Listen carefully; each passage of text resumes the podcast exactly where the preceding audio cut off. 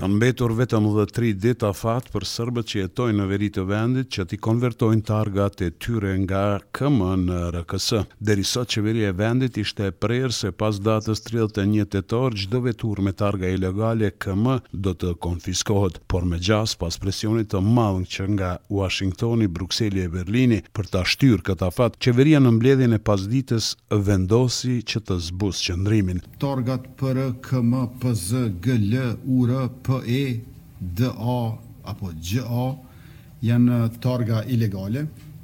Qeveria e Republikës së Kosovës përmes vendimit ka obliguar pronarët e mjeteve me targa ilegale që të njëjtat t'i kthejnë në targa zyrtare RKS. Tash ne kemi zhvilluar diskutime edhe të brendshme edhe me Ministrinë e Linjës dhe me organet e tjera të sigurisë, edhe kemi ardhur në përfundim që të sjellim për propozim një vendim i cili bën sekuencim dhe shkallëzim të sanksioneve me rastin e zbatimit të këtij vendimi, më konkretisht për tri javë, duke filluar nga data një nëntor deri me datën njëzet e një nëntor, masa do të jetë ajo e qortimit, pastaj nga njëzet e një nëntori për dy muaj deri me njëzet e një janar do të jetë masa e gjobitjes dhe më pastaj nga njëzet e një janari do të kemi targa provuese për dy muaj të tjerë, pas së cilës datë me njëzet e një prill nuk mund të ketë sepse nuk mund të lejohen targa të tjera në Republikën e Kosovës. Pra me këtë rast nëpërmjet këtij sekuencimi dhe shkallëzimi ne tregojmë edhe një herë seriozitetin tonë që padyshim ta zbatojmë vendimin që kemi marrë, por në të njëjtën kohë t'u japim shans të gjithë atyre të cilët janë të interesuar që të integrohen. Për targa ilegale sot është deklaruar edhe presidentja e Kosovës, Vjosa Osmani. Ajo ka thënë se janë në kontakt të ngushtë me aleatët. Shefja e shtetit tha se nuk ka ndryshuar qëndrim sa i përket çështjes së targave, dhe se po punohet për parandalimin e tensioneve që sipas saj synon t'i shkaktojë Serbia. Tensionet natyrisht që i ka për qëllim Serbia, por ne po punojmë me partnerët tanë që ato t'i parandalojmë. NATO ka thënë se është e gatshme të intervenojë në rast se cenohet stabiliteti në territorin e Kosovës.